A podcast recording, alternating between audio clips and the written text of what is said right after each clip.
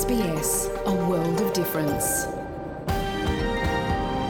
You're with SBS Dutch on mobile, online and on radio. Dit is SBS Dutch op mobiel, online en op radio.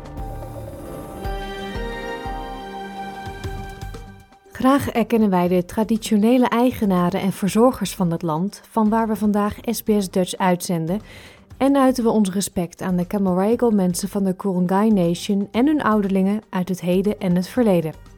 Ook kennen we de traditionele eigenaren van alle Aboriginal en Torres Strait Islander landen, van waar u vandaag naar ons programma luistert.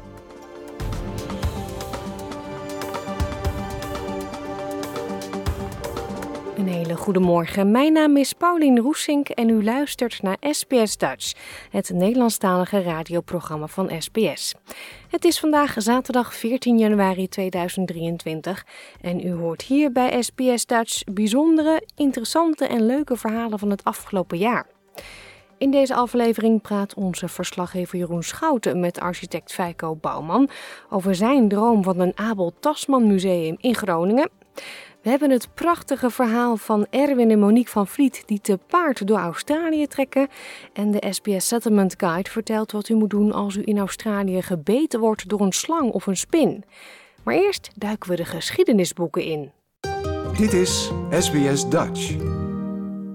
Een hele generatie in Nederland groeide eind jaren 80, begin jaren 90 op met de dokters en zusters van The Flying Doctors. De zeer succesvolle televisieserie was uiteraard gebaseerd op de RFDS, de Royal Flying Doctor Service hier in Australië. Onze huishistoricus Ingeborg van Teesling duikt nu in de geschiedenis van deze bijzondere medische dienst, die al in 1928 het levenslicht zag. Dit is SBS Radio Dutch. De Royal Flying Doctor Service is echt zo'n institutie. Ik las dat ze elk jaar meer dan 27 miljoen kilometer vliegen. Dat is wel 35 keer naar de maan en terug. Een tijdje geleden was ik zelf in eh, Broken Hill met mijn familie. En daar hebben we de RFDS ook bezocht. Ze vonden het echt fascinerend, mijn kinderen. Eh, Ik zelf ook, moet ik zeggen, Ingeborg. Kun je iets vertellen over de geschiedenis van die service? Zeker, maar laat ik eerst even met die indrukwekkende cijfers beginnen. 27 miljoen kilometer, dat is nogal wat. En vorig jaar hielpen de Flying Doctors duizend mensen per dag. En niet alleen vliegend trouwens. hè. 82.000 mensen werden via de weg opgehaald. Bijna 100.000 via telehealth consultaties. En natuurlijk hebben ze een enorm bereik. Oh, Dat soort eh, getallen alleen al. Ze zorgen voor mensen in een gebied dat 7,9 miljoen vierkante kilometer groot is.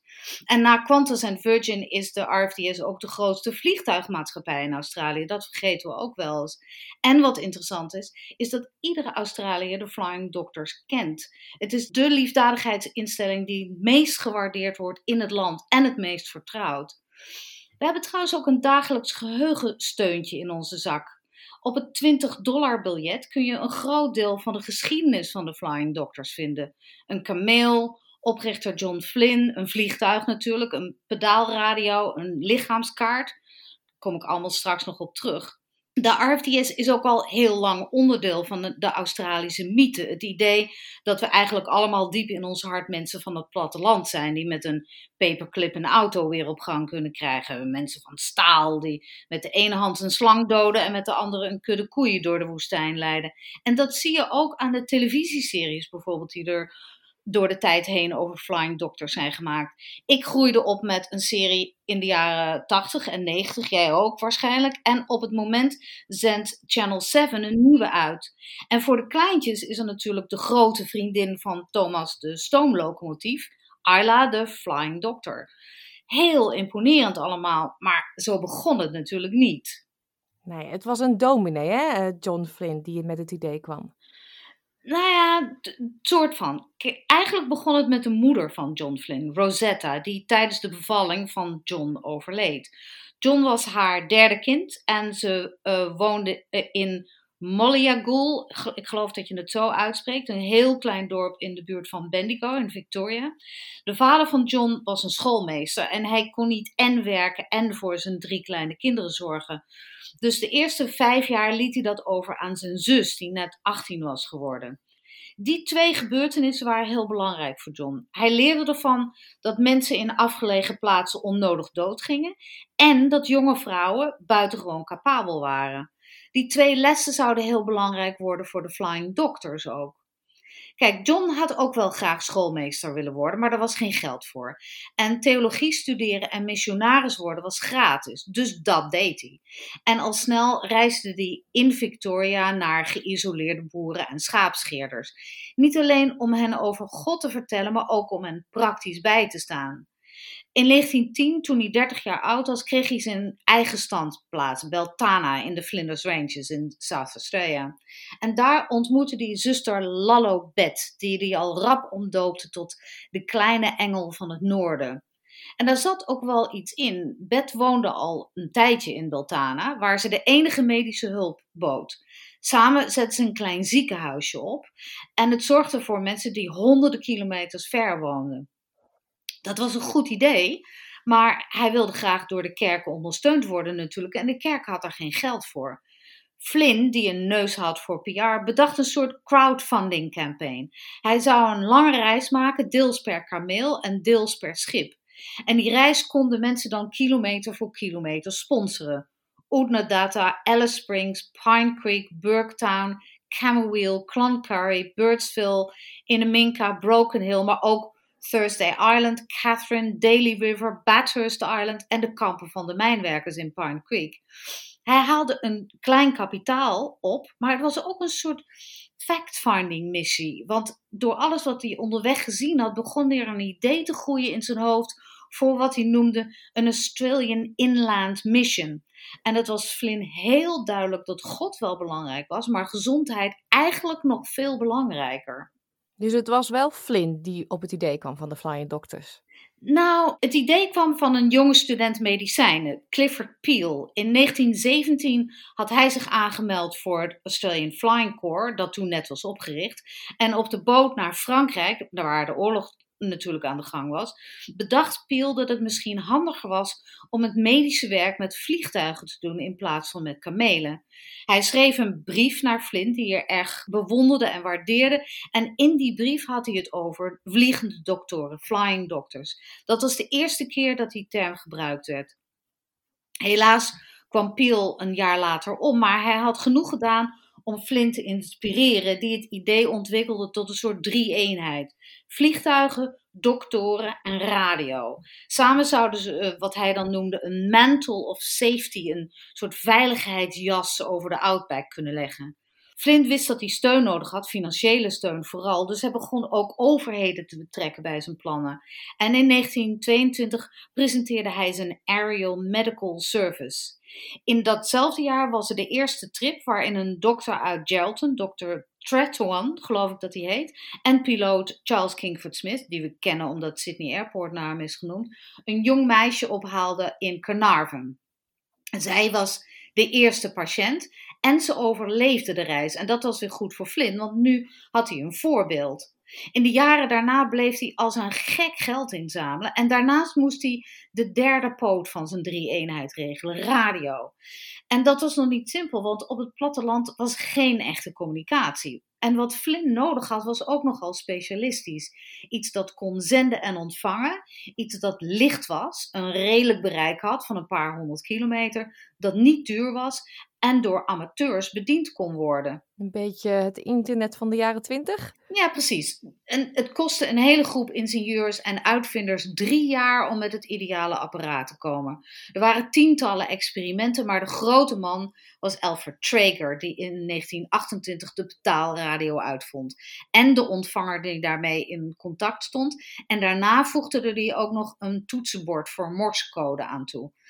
Datzelfde jaar werd die eerste pedaalradio geïnstalleerd op Ox Down Station, 250 kilometer ongeveer van Cloncurry in Queensland. En hij werkte zo goed dat er al snel tientallen waren die door iedereen na een korte cursus bediend konden worden. En dat was natuurlijk ideaal.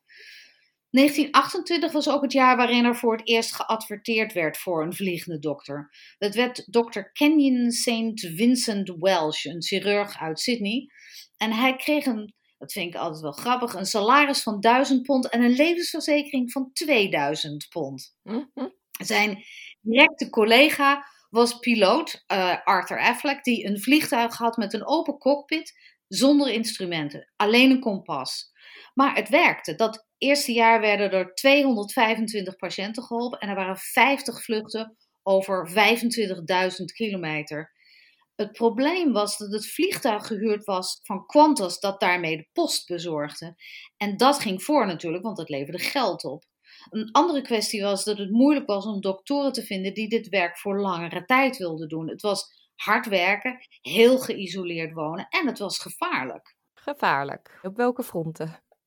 Nou, kijk, in een voorbeeld. In 1937 kreeg de Flying Doctors haar eerste vrouwelijke arts, Jean White.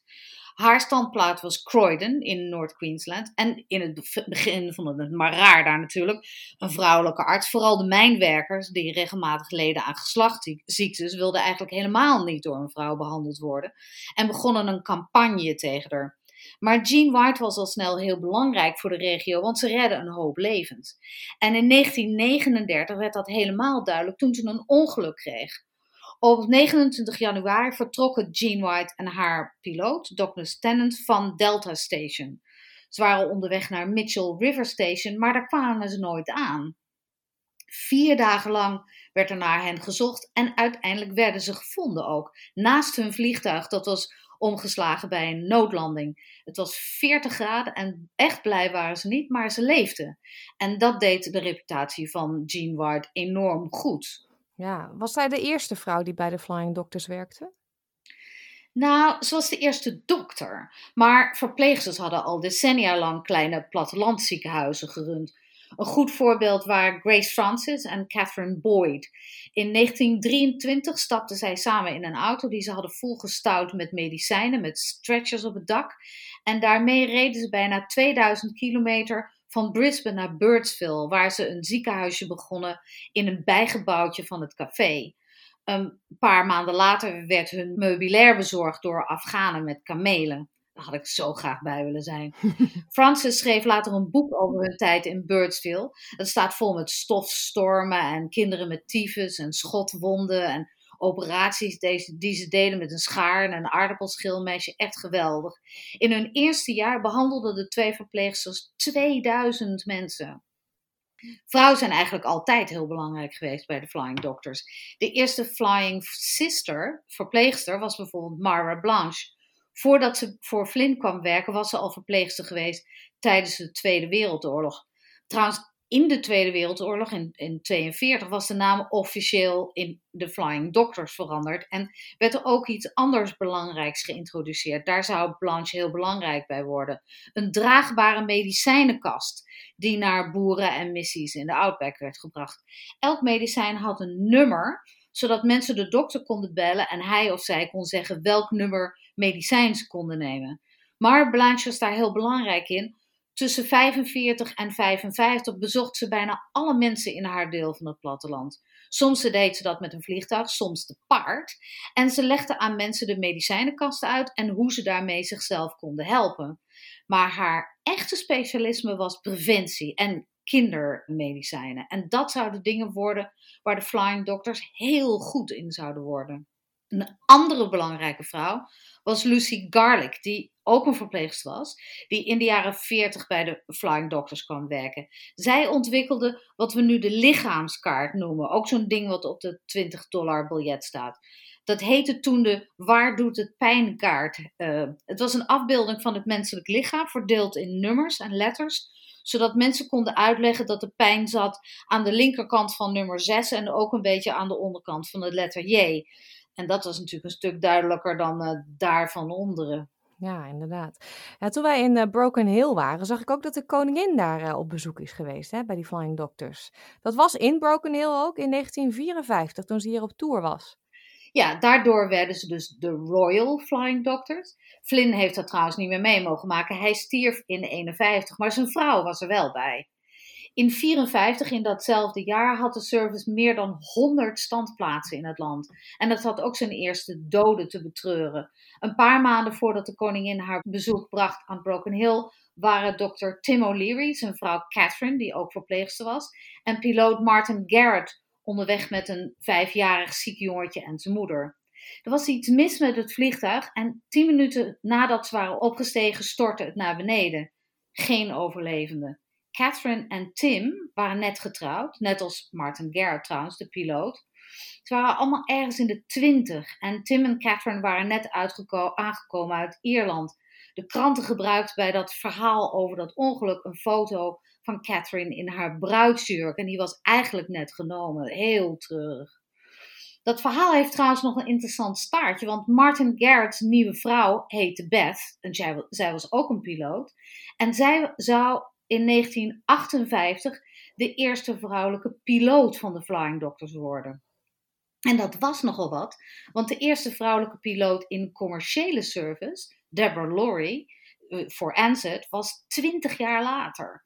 Beth Garrett was trouwens heel goed in haar vak. Er was een vlucht waarbij ze door bliksem moest vliegen, waardoor alle instrumenten uitvielen. En door de kust te volgen lukte het haar toen om haar weg terug te vinden. Wat een uh, vrouwenpower daar. Veel interessante vrouwen.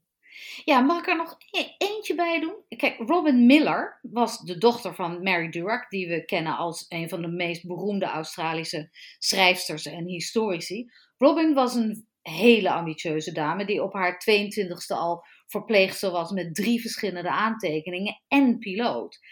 De eerste jaren werkte ze in het ziekenhuis in Mont Lawley in Perth, maar dat vond ze al snel heel saai. En in die tijd zuchtte Australië onder een andere epidemie, een polio-epidemie. En in 66 was er een vaccine uitgevonden, maar het was bijna onmogelijk om dat in de outback te verspreiden. Dus Robin Miller benaderde de Flying Doctors met de vraag of ze het goed vonden dat zij dat zou doen. Dr. Harold Dix, die toen de baas was van de Western Australian afdeling, vond dat een geweldig idee. Het enige probleem was, dat is natuurlijk altijd een probleem, was dat er geen geld voor was. De service kon haar het vaccin wel geven, maar verder moesten het zelf uitzoeken. Dus Miller kocht van haar eigen geld een vliegtuig en was twee jaar lang onderweg. Ze vloog 69.000 kilometer en 37.000 mensen werden door haar ingeënt, vooral Aboriginals. Die noemden haar de Sugarbird Lady, omdat het vaccin op suikerklontjes werd aangeleverd. Tegelijkertijd werkte ze ook als verpleegster en piloot voor de RFDS. Er was een vlucht bijvoorbeeld waarop ze een baby ter wereld bracht met het vliegtuig op automatische piloot. Ze haalde ook vliegtuigen op die de service in Amerika had gekocht. En ze deed mee aan de Powder Puff Derby. Dat was een race van de ene kant van Amerika naar de andere speciaal voor vrouwelijke piloten. In 1975 stierf ze aan kanker, 35 jaar oud. Intussen was ze wel met Harold Dix getrouwd, die na haar dood in haar naam een fonds oprichtte dat verpleegsters helpt om ook piloot te worden. Hij stopte er zelf 50.000 dollar in en het bestaat nog steeds. Ja, ja, interessante geschiedenis heeft die RFDS. Is er eigenlijk um, na haar dood in de jaren 70 nog veel veranderd? Ja, ontzettend veel. Er zijn we hebben natuurlijk computers, internet, e-mail. Er zijn veel meer doktoren en verpleegkundigen, ook uit allerlei buitenlanden. Heel veel migranten. Ook vliegtuigen zijn natuurlijk veel beter. GPS, weerradar, dat soort dingen. Artsen hebben draagbare ultrasoundmachines en ventilatoren. Ze kunnen zelfs bloed testen terwijl ze vliegen. Er zijn vliegende tandartsen en de flying doctors helpt vluchtelingen en mensen die ziek worden terwijl ze aan boord van schepen werken. Er wordt heel veel gedaan aan preventie, aan gezondheidszorg bij Aboriginals. Er zijn speciale spreekuren voor vrouwen, voor alcohol- en drugsproblemen, voor zelfmoord zelfs. En vorig jaar startte de service met een project dat te maken heeft met euthanasie. Daar zijn ze ook voorlopers in dus. In uh, 2018 werd de 90ste verjaardag gevierd met een vergelijkbare tocht van die van Flynn, helemaal in het begin. 26 ouderwetse vliegtuigen vlogen toen van Moree via Roma, Charleville, Longreach, Winton, Cloncurry en Julia Creek naar Mount Isa. En natuurlijk over een paar jaar vieren de Flying Doctors een 100-jarig bestaan. Niet gek, hè, voor een plannetje van een moederloos jongetje. De in 1944 geboren Feiko Bouwman vertrok op zevenjarige leeftijd met zijn ouders van Groningen naar Australië. Daar groeide hij later uit tot een succesvol architect. Zo mocht hij meewerken aan de High Court of Australia in Canberra. En de Australian Stockman's Hall of Fame in Longreach, Queensland is ook van zijn hand. Nu wil Feiko in het Groningse Lutjegast een museum neerzetten voor de ontdekker van Tasmanië, Abel Tasman. Onze verslaggever Jeroen Schouten sprak met hem over zijn plannen, maar vroeg hem eerst naar de zesweekse bootreis die hem naar Australië bracht. SBS Dutch. Deel onze verhalen op Facebook. Feiko, kun je je van die tocht eigenlijk nog iets herinneren?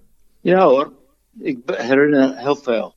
het was uh, een moeilijke reis. Niet zo voor mij, maar meer voor mijn ouders. En uh, mijn moeder was, uh, was, het was echt slecht voor haar. En wat ik herinner is um, niet de lange reis, maar het was een avontuur.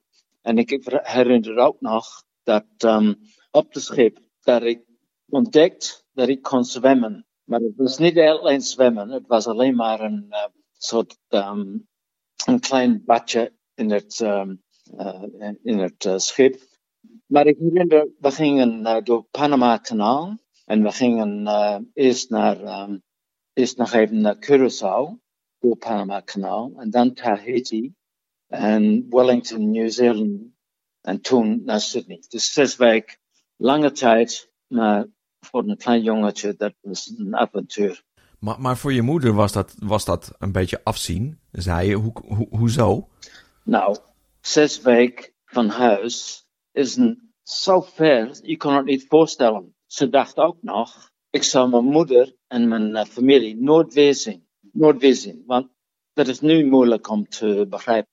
Iedereen gaat per vliegtuig enzovoort. En met een dag of twee ben je er. Maar toen, als je zes weken op reis bent en er was niet zoveel geld, dan wanneer zie ik mijn moeder ooit weer, of mijn zus en, enzovoort. Dus het was voor haar, oh, en voor mijn vader ook natuurlijk. Maar... Als het zo zwaar was, wa waarom, waarom gingen ze dan uh, naar Australië? Ja, oké. Okay. Nou, de Tweede Wereldoorlog was gebeurd. En toen, zeven jaar later, in Groningen en overal in Nederland, was overal puin. Was allemaal, mensen dachten, nou, het komt nooit meer goed. En het geld wat er was, ging eerst naar Rotterdam en Amsterdam toe, want dat was belangrijk om die uh, steden op te bouwen.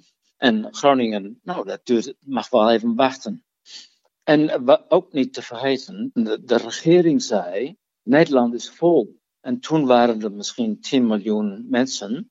En nou, als het Nederland vol is en er zijn veel um, uh, landen waar je heen kan gaan, en, Australië, uh, Canada en Nieuw-Zeeland. En toen dachten ze, nou, ze deden het voor de kinderen. Ze dachten dat voor de kinderen zou het een, een, betere, you know, een betere wereld zou voor hun zijn. Behalve, behalve in dat kleine zwembadje zwemmen, wat deed je de hele dag op die boot?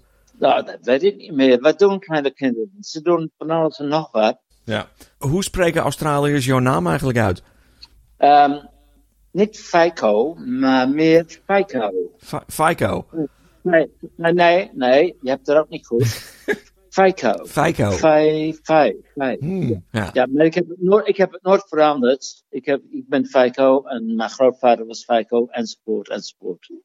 De Stockman Hall of Fame. Ja, ja. Uh, dat wordt het Opera House van the Outback genoemd. Uh, kun je iets vertellen over het concept achter dat gebouw? Nou, het was een, um, wat zou ik zeggen, een prijsvraag, hè? Dat, een contest, competition. Dat gebeurde in um, 1980, zoiets. En het, was, het idee was um, dat alles over de Outback met de pioniers enzovoort. En, um, en hoe dat uh, leven um, toen was. Dat, ging dat verdwijnt een beetje nu. En dan hebben zekere mensen die hadden uh, de, de idee. We moeten er iets van maken, zoals een museum. En toen kwam er een Australische uh, prijsvraag. En dat gingen, uh, zeg maar, 150 architecten gingen wonen bezig mee. En toen, uh, toen um, was het zes en toen was het één. En die één was mij. Stockmans, dat zijn, is, is dat te vergelijken met, met uh, het Amerikaanse woord cowboy? Um, een beetje, ja. En het is een beetje een cliché, maar een beetje. En hoe heb je dat dan uh, heb je dat vertaald naar, naar, dat, uh, naar dat gebouw toe? Het, het kwam meer um, van het land. Het was, het was allemaal, dat land was allemaal um, flat was helemaal geen heuvels.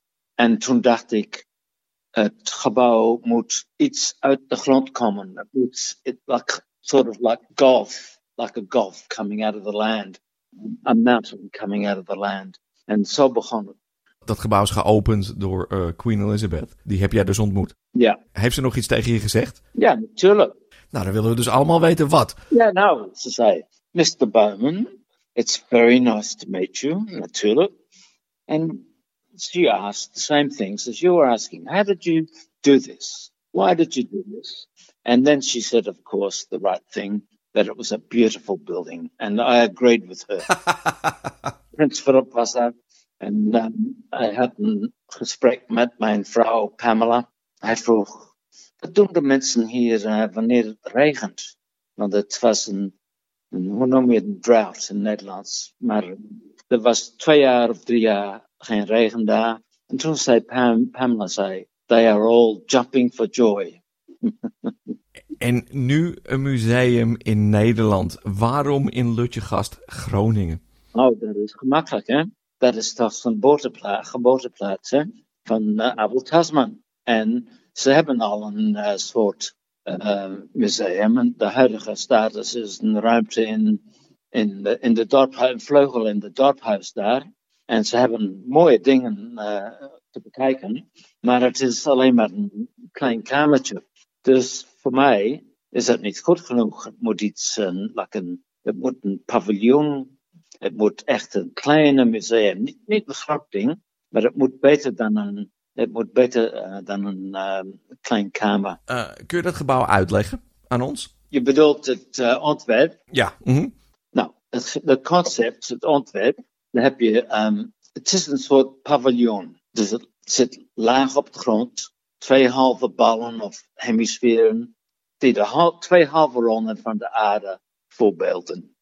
En dan tussendoor een grote houten uh, zeilschip.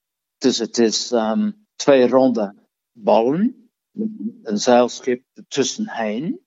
En dan een hele, hele lichte um, zeilen. En er zijn ook uh, zonnepanelen op enzovoort. Dus het is een zeilschip die gaat door twee ronde ballen. Die twee ronde ballen, daar zijn de, um, de dingen te bekijken. Eén meer van uh, de exhibition van Nederlandse um, dingen en de ander van het zuiden van uh, Australië en, uh, en Nieuw-Zeeland.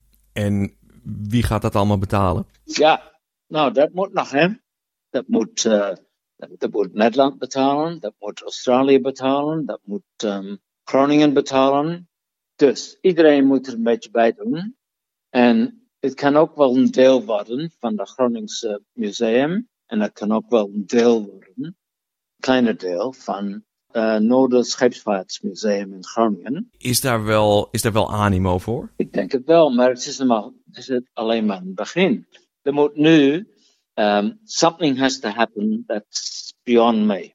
Ik ben uh, op zoek, maar ik heb wel veel contact. En het is alleen maar een begin. In Lutjegast, een klein plaatsje in Groningen. Een door een Australiër ontworpen museum voor een Nederlander die een flink stuk Australië heeft ontdekt. Feiko Bouwman, heel hartelijk bedankt. Oké, okay, Jeroen.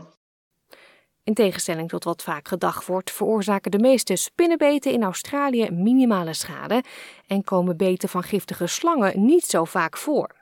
Toch is het van belang om te weten hoe te reageren in het geval van een beet, aangezien sommige beten wel levensbedreigend kunnen zijn. U hoort het nu in SBS Settlement Guide. SBS Dutch op radio, online en op je mobiele telefoon. In tegenstelling tot wat vaak wordt gedacht, veroorzaken de meeste spinnenbeten in Australië minimale schade en komen beten van giftige slangen niet zo vaak voor. Toch is het van belang om te weten hoe te reageren in het geval van een beet, aangezien sommige beten levensbedreigend kunnen zijn.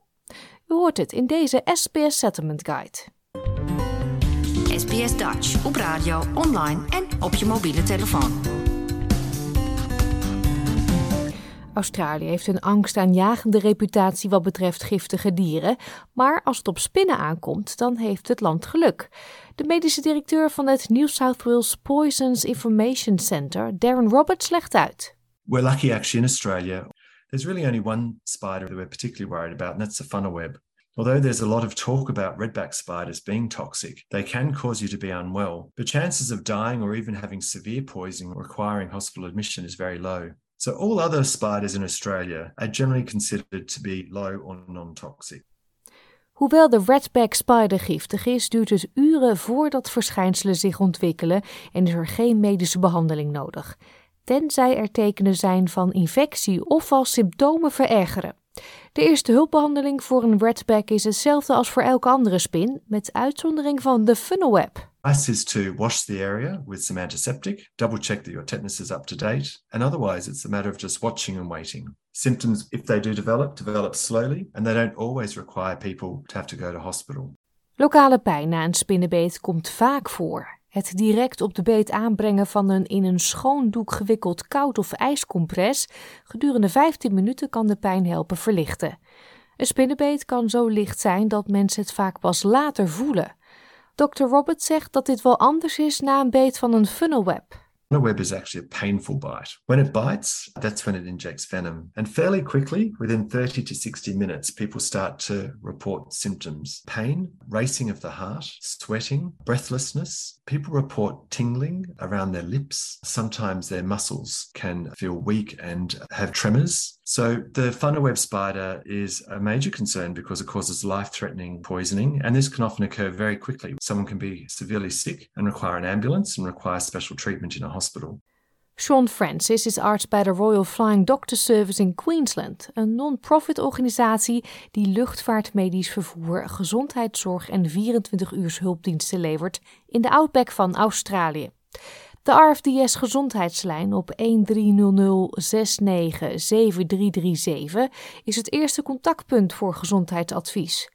Ook het noodnummer 000 schakelt telefoontjes door naar deze lijn wanneer patiënten luchtvaartmedische zorg nodig hebben, ook aangaande slangen en spinnenbeten. Paramedical retrieval service is the service which would enable the patient to get to the care that they require. And so snake bites, spider bites require definitive care. And a lot of our patient populations are in places where they can't receive that. Those patients will call us directly. They'll speak to a doctor on the phone. The doctor will provide advice to them, first aid, and then kick off the approach to determining the appropriate logistics to get that person to the care that they require.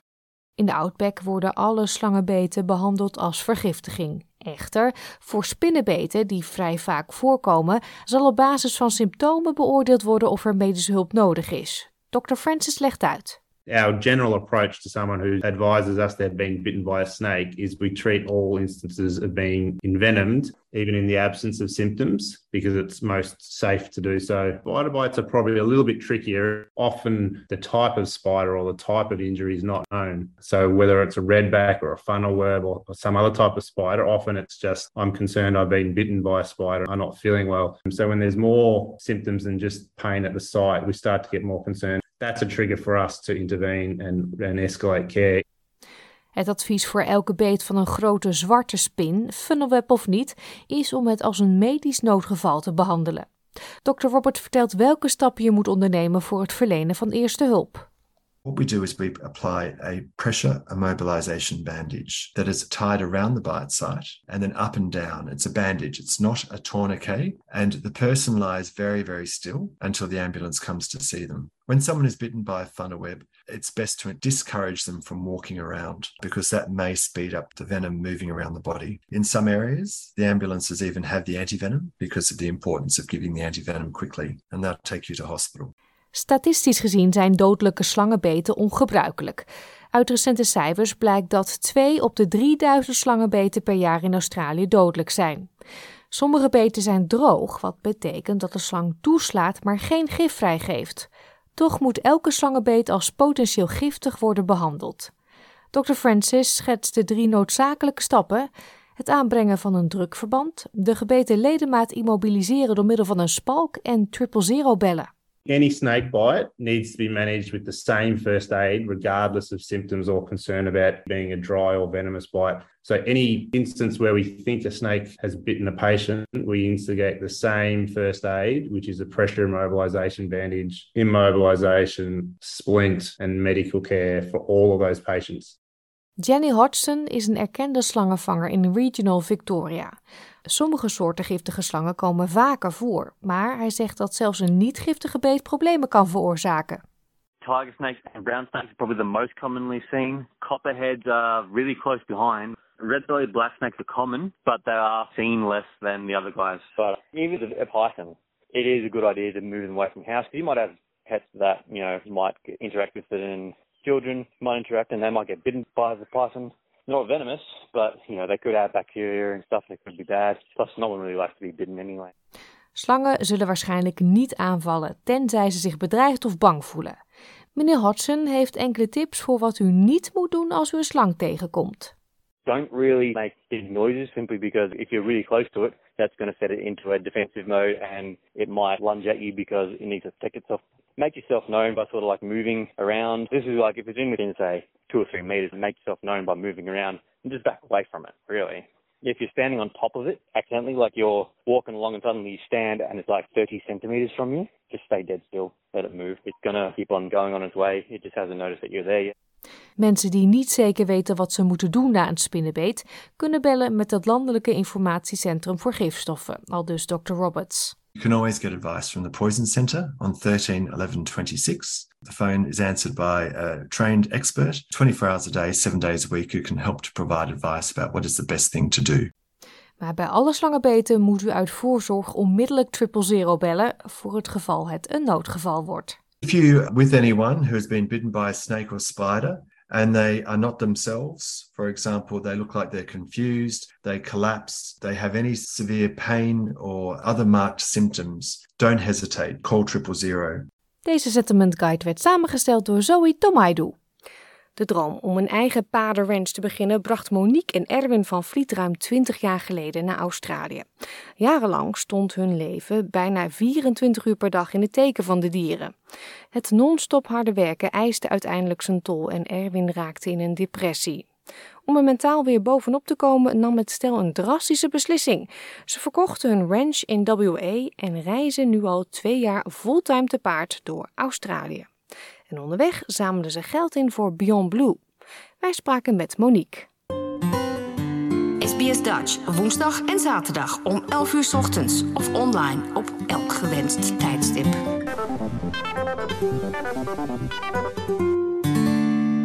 Monique, de dag dat wij elkaar spreken, zijn jullie twee jaar onderweg. Klopt, ja, je hebt de perfecte dag uitgezocht. Zijn die twee jaar snel gegaan? Ontzettend snel. Ja, je, um, je bent aan, aan het plannen en um, ja, je kijkt er heel lang naar uit. En dan op een gegeven moment ben je op weg en dan denk je eerst van, oh, we moeten naar Albany, dus dat is 300 kilometer. Oh, we gaan naar Esperance. En opeens kijk je op en denk je, oh mijn god, we zitten al helemaal in, uh, in, in Queensland en twee jaar is voorbij en 8.500 kilometer hebben we gereden. Hmm, wat bracht jullie tot de beslissing om de ranch te verkopen, de meeste paarden weg te doen en met paard en wagen, een elektrische wagen dan wel, uh, hond geloof ik, uh, de weg op te gaan? Ja, wij zijn twintig jaar geleden naar Australië gekomen, geïmmigreerd. We wilden iets met paarden beginnen, dus we zijn een paardenranch begonnen. Dus Erwin die heeft paarden ingereden, getraind. Uh, we deden toeristen rondleiden in het bos, uh, lessen geven, van alles. En dat was hartstikke leuk. We hebben het allemaal opgebouwd. En, maar op een gegeven moment is het is, uh, 24 uur per dag ben je daarmee bezig. Het is hard werk, het is moeilijk, het is... En op een gegeven moment werd het gewoon een beetje te veel. Dus uh, je doet echt je hart en ziel ergens in stoppen. En uh, op een gegeven moment neemt het meer dan dat je er terug van krijgt. Dus Erwin die, uh, die raakte eigenlijk in een depressie en wel anxiety zoals ze het hier zeggen. En het werd erger en erger. Dus op een gegeven moment heb ik gezegd van dit is niet meer leuk. We doen dit omdat we dit willen en niet omdat we het moeten. En ik zei van het zou goed zijn om uh, wat anders te gaan doen. Dus ik zei, oh kom, we gaan uh, een rondje Australië doen. We, we waren in uh, 95, hebben we gebackpack rond Australië. Dus ik zei, dat was leuk, laten we dat nog een keertje doen. En toen had Erwin zoiets van, uh, nee, we zijn nog geen grey nomad. Ik wil niet met de caravan rond Australië, dat doet iedereen. en, voor, allemaal, hij had ja. allemaal dingen voor zich. Nee, dat ben ik nog niet. ja, inderdaad. Dus toen had hij zoiets van, ja, ik ben nog niet klaar met de paarden. Ik wil mijn eigen paarden inspannen genieten. Want je bent steeds met andere mensen en paarden bezig. En je eigen paarden worden zo een beetje in de wei gezet. En je doet er niet veel mee. Dus uh, op een gegeven moment had hij het briljante idee. Weet je wat? Jij wil reizen. Ik ga mee, maar ik rij. Ik neem mijn twee paarden mee en ik ga gewoon rijden. Ik zei, ja, dat is goed. Alles om, uh, om hem beter op andere gedachten te komen. En uh, toen hebben we gekeken uh, hoe we het beste konden doen. En financieel was het gewoon heel moeilijk om de farm te blijven houden. En uh, toen hebben we de beslissing genomen om alles te verkopen. En we hebben een vrachtauto gekocht, een paardenvrachtauto. Die hebben we omgebouwd. Uh, het voorste gedeelte is min of meer een leefgedeelte. En achter kan ik alle hooi en, en paardenvoer en zo uh, meenemen. Dus ik ben de support vehicle. En Erwin heeft zijn twee paarden gehouden en die rijdt gewoon elke dag. Daar heb je toch wel, om het maar op zijn Holland te zeggen, ballen voor nodig voor zo'n avontuur. Uh, ja en nee. Ik bedoel, we zijn ook geïmmigreerd. Dus toen hadden we ook zoiets van... Uh, we waren in Nederland, hadden goede banen. Uh, je hebt je huis, je hebt je auto, je hebt alles. We wilden geen kinderen. En dan ben je 30 jaar en dan denk je, nu wat? wat gaan we nu doen? En toen zijn we, hebben we ook gewoon alles opgegeven en naar Australië gekomen. Dus het is gewoon een manier van leven, hoe wij zijn. Um, um, niet te veel zorgen maken, niet te ver vooruit kijken. Gewoon er proberen van te genieten. Als je in een situatie zit waar je je niet uh, prettig in voelt, ja, dan moet je er iets aan doen. En ja, so, wij zijn dan een beetje radicaal daarin. ja, want jij rijdt dus met uh, de trailer, zeg maar, en, en je man Erwin met de paarden. Of zit je ook ja. wel eens op het paard? Um, soms, maar ik ben niet zo gek als hem. Dus ik, uh, nee, ik doe de, de, um, alleen de prachtauto rijden. Dus ik, ik hou helemaal niet van autorijden of zo. Dus toen uh, kreeg ik opeens een vrachtwagen die ik moest rijden. dus dat was een beetje uit mijn comfortzone. Maar ik moet zeggen, um, het voelt als thuis. Het is eigenlijk een, een tiny home on wheels. Dus ik rij uh, elke dag uh, 30 kilometer of zo vooruit, vind een plekje en dan uh, komt Erwin naar mij toe en dan uh, zijn we weer s'avonds samen. Ja, dan heb jij het plekje uitgekozen, hij komt klaar eten. Kan je hem verzorgen of ben ik nou een ja. beetje te traditioneel aan het denken? nee, zo gaat het dan niet. Mensen zeggen altijd, maar wat doe je dan de hele dag? Dus dan ga je alleen maar zitten wachten daar of zo. Het is een fulltime job voor dit allemaal te doen. Want soms is het makkelijker, maar soms moet je veel plannen aan uh, eten inkopen, paardenvoer halen, hooi uh, vinden. Um, je moet je kleren wassen. Um, eigenlijk alles. Dus het is, um, het is een beetje net als thuis eigenlijk. Ja, je moet gewoon je huishouden rudden. Op, de, op wielen. Absoluut. Ja. Absoluut. Dus, uh, en soms is hij, ligt er een beetje aan waar we reizen. hij is op het moment de National Trail aan het volgen. Dat is een lange afstandroute die gaat van Hillsville naar Cooktown. Dus dat is 5.500 kilometer. Het is voor paarden, uh, wandelaars en fietsers. Die gaat helemaal door de Great Dividing Range eigenlijk. Dus op sommige plekken daar kan ik niet met de vrachtauto komen. Dus dan gaat hij met de paarden en met zijn tent. Dus dan, hij heeft twee paarden. Dus één paard dat hij no normaal rijdt. En het andere paard uh, heeft dan de pakzadels op, waar zijn tentje in zit en zijn eten en alles. En dan gaat hij gewoon de berg in en dan rij ik om de berg heen en uh, zie hem. Zie hem een paar dagen niet. Dagen, ja, later, ja. Ja, en valt het mee of valt het tegen? Ik bedoel, het is een heel leuk idee hè, waar die mee kwam. En jullie, jij was gelukkig ook heel enthousiast. Kom, we gaan ervoor. Hey, ja. Hoe lang heeft de voorbereiding geduurd? Um, het was niet zozeer voorbereiding. Het was meer, we hadden de boerderij te koop staan. En dat duurde een tijdje voordat het verkocht was. Het was net in de, in de COVID-tijd. Dus we hebben ongeveer twee jaar gewacht, gepland, teruggekocht. De truck hebben we helemaal opgeknapt van binnen en zo.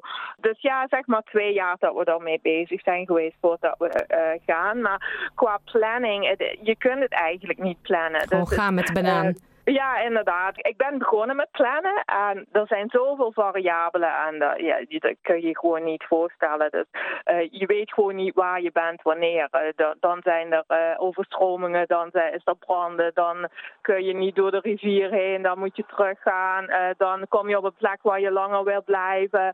Dan hebben de paarden rust nodig. Dus je kunt het eigenlijk niet plannen. Je moet ook het grootste, en daarvoor hebben we het ook eigenlijk gedaan, je moet gewoon in de dag, in het moment gaan leven. En dat is, dat is echt wel gelukt. Dus het heeft Erwin ongeveer 3000 kilometer gekost voordat hij echt zijn rust en alles had gevonden.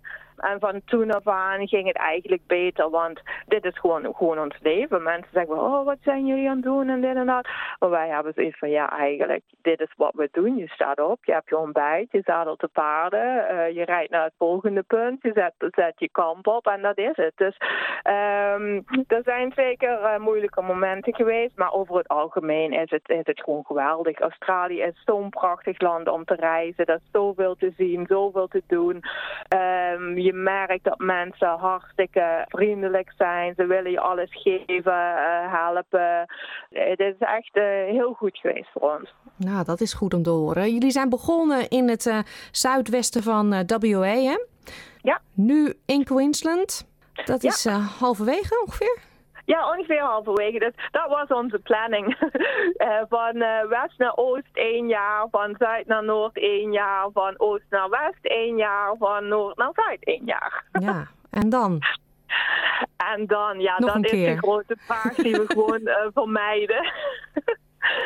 Uh, dus ja, natuurlijk mensen vragen, oh wat ga je dan doen als je terug bent? En uh, we hebben zelf de instelling van we blijven dit gewoon doen tot we het niet meer leuk vinden. Of we vinden een plek waar we ons willen settelen. Maar net hetzelfde als, oh hebben we nog wel genoeg geld over? En hoe gaat het allemaal? En kunnen we nog een baan krijgen? En dit en dat. Maar, Dan, dat is denk ik wel een vraag die mensen zichzelf nu stellen. Hoe doen ze dat? Werken ze onderweg of komt dat omdat jullie je boerderij hebben verkocht? We hebben de boerderij verkocht en we, we leven eigenlijk van dat geld. Dus eigenlijk zijn we heel fout bezig en we zijn gewoon alle geld op het maken.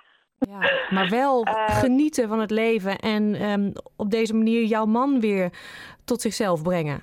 Ja, absoluut. Dus het is het, is het zeker waard. En uh, wat je zegt, je kunt dat niet zomaar doen. Uh, je moet er dingen voor opgeven. Maar uh, dat geef ik er graag voor op. En, en ook daarna, we zien wel wat er, um, wat er gebeurt. Wat we wel hebben geleerd is, je hebt helemaal niet veel nodig. Je denkt altijd, oh, je moet een huis en je moet dit en je moet dat hebben. Maar we wonen in deze vrachtauto en wat heb ik? Mm, drie bij drie meter waar we op leven, zeg maar. En ik heb alles wat ik wil. We hebben zoiets van, we zien het wel als we terugkomen. Er is nog zoveel te bekijken. Dus Erwin was al aan het zeggen, oh, dan gaan we gewoon van uh, uh, Noord naar West uh, Amerika fietsen of zoiets. Oh ja, dus, doen we dat even. Niet? Ja. Dus, en hoe houden de, de paarden het vol? Want ja, dat is ook best intensief voor hen, lijkt mij. Absoluut. De paarden komen altijd eerst. Hij wil het met deze twee paarden doen. Dus uh, hij wil niet uh, zeg maar, oh, deze paarden zijn niet meer goed, we, nemen andere paarden. Um, hij heeft een 19-jarige hengst en een 12-jarige uh, ruin bij zich. Dus de hengst heeft hij altijd wedstrijden mee gereden. In Western Australië is hij state champion in de reining, wat een western discipline is. Dus dat paard is heel belangrijk voor hem. Maar hij is 19 jaar en langzaam uh, begint hij toch uh, um, wat van arthritis in zijn benen te krijgen en zoiets allemaal. Het is altijd uh, heel belangrijk op zo'n lange rit. Um, als er iets is met de paarden moet je meteen bovenop zitten. Meteen zorgen dat je het oplost. Want de kilometers tellen echt wel op. Um, dus als we merken, oh ze hebben een dag extra nodig, blijven we gewoon ergens een dag extra. Uh, we hebben het geluk dat ik de vrachtwagen heb. Dus we hebben genoeg voer, we hebben genoeg hooi. Ik kan zorgen dat als ze iets hebben, dat ze extra supplementen of, of vitamines of wat krijgen. Dus het is echt wel, dat is, dat is eigenlijk onze grootste kostenpost uh, om de paarden gezond te houden. Hmm. Je zei het aan het begin al, je man uh, struggelde met zijn bedrijf, met het harde werken, drukke leven op de ranch. Jullie -huh. hebben ook een goed doel aan jullie trip verbonden, hè? Beyond Blue. Ja, uh, voor, vooral um, met het bezig te zijn. Het is heel moeilijk om daaruit te komen. In het begin zit je echt in de put en is het een spiraal naar beneden. En het is heel moeilijk om jezelf op te pikken. En uh, als partner sta je daarnaast en je kunt ook niet zoveel. Dus soms heb je gewoon professionals nodig die je daarin verder helpen. Maar ook wat het doet op onze rit. Als we zeggen van oh we zijn voor Beyond Blue aan het fundraisen. Dan komen mensen met hun eigen verhalen. Want ze horen dan ergens een verhaal. En ja, je wil niet weten hoeveel mensen hun eigen verhalen hebben en hoe moeilijk ze het hebben gehad. En dus het opent echt wel het gesprek rond mental health. Het helpt Erwin ook om te horen van andere verhalen. Je bent niet alleen. Um, dus nee, dus dat werkt wel heel goed. Praten, praten helpt wel. En het is, soms ben je niet, nog niet toe aan praten. Maar soms is het goed om iemand te hebben die je niet kent. Um, je, je omgeving is vaak, je wil, je wil je groot houden, je wil er niet over praten. Je denkt dat je het zelf allemaal wel kan. Maar als er dan iemand is die eruit is gekomen, die weet hoe het is, die iets anders is aan het doen, mensen staan ervoor open. En uh, ja, ik denk dat dat wel nodig is in, in deze maatschappij. Wat een geweldig avontuur. En wat goed om te horen dat uh, het goed gaat met Erwin nu. Dat hij helemaal zijn groove heeft gevonden zo met de paarden. Ja, je hoort hem zingen, dus dan gaat het weer goed dat hij zo zingen. Nou, precies. Dat uh, heb ik gezien. Mensen die jullie willen volgen, we zetten een linkje op onze eigen website www.sps.com.au Dutch. Daar staat dus een linkje naar Monique en Erwins avontuur. Okay, Heel veel plezier nog op de weg. Dank.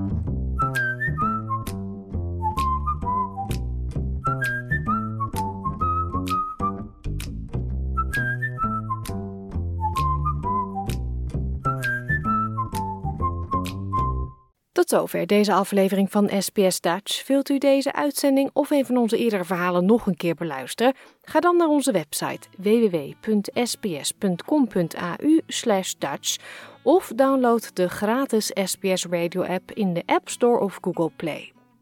Hiermee komen we aan het einde van deze uitzending van SBS Dutch. Woensdag dan zijn we er weer met een nieuwe reguliere uitzending. Hopelijk bent u er dan ook weer bij. De laatste plaat van vandaag is van Danny Vera. Dit is Rollercoaster. Dag! Here we go.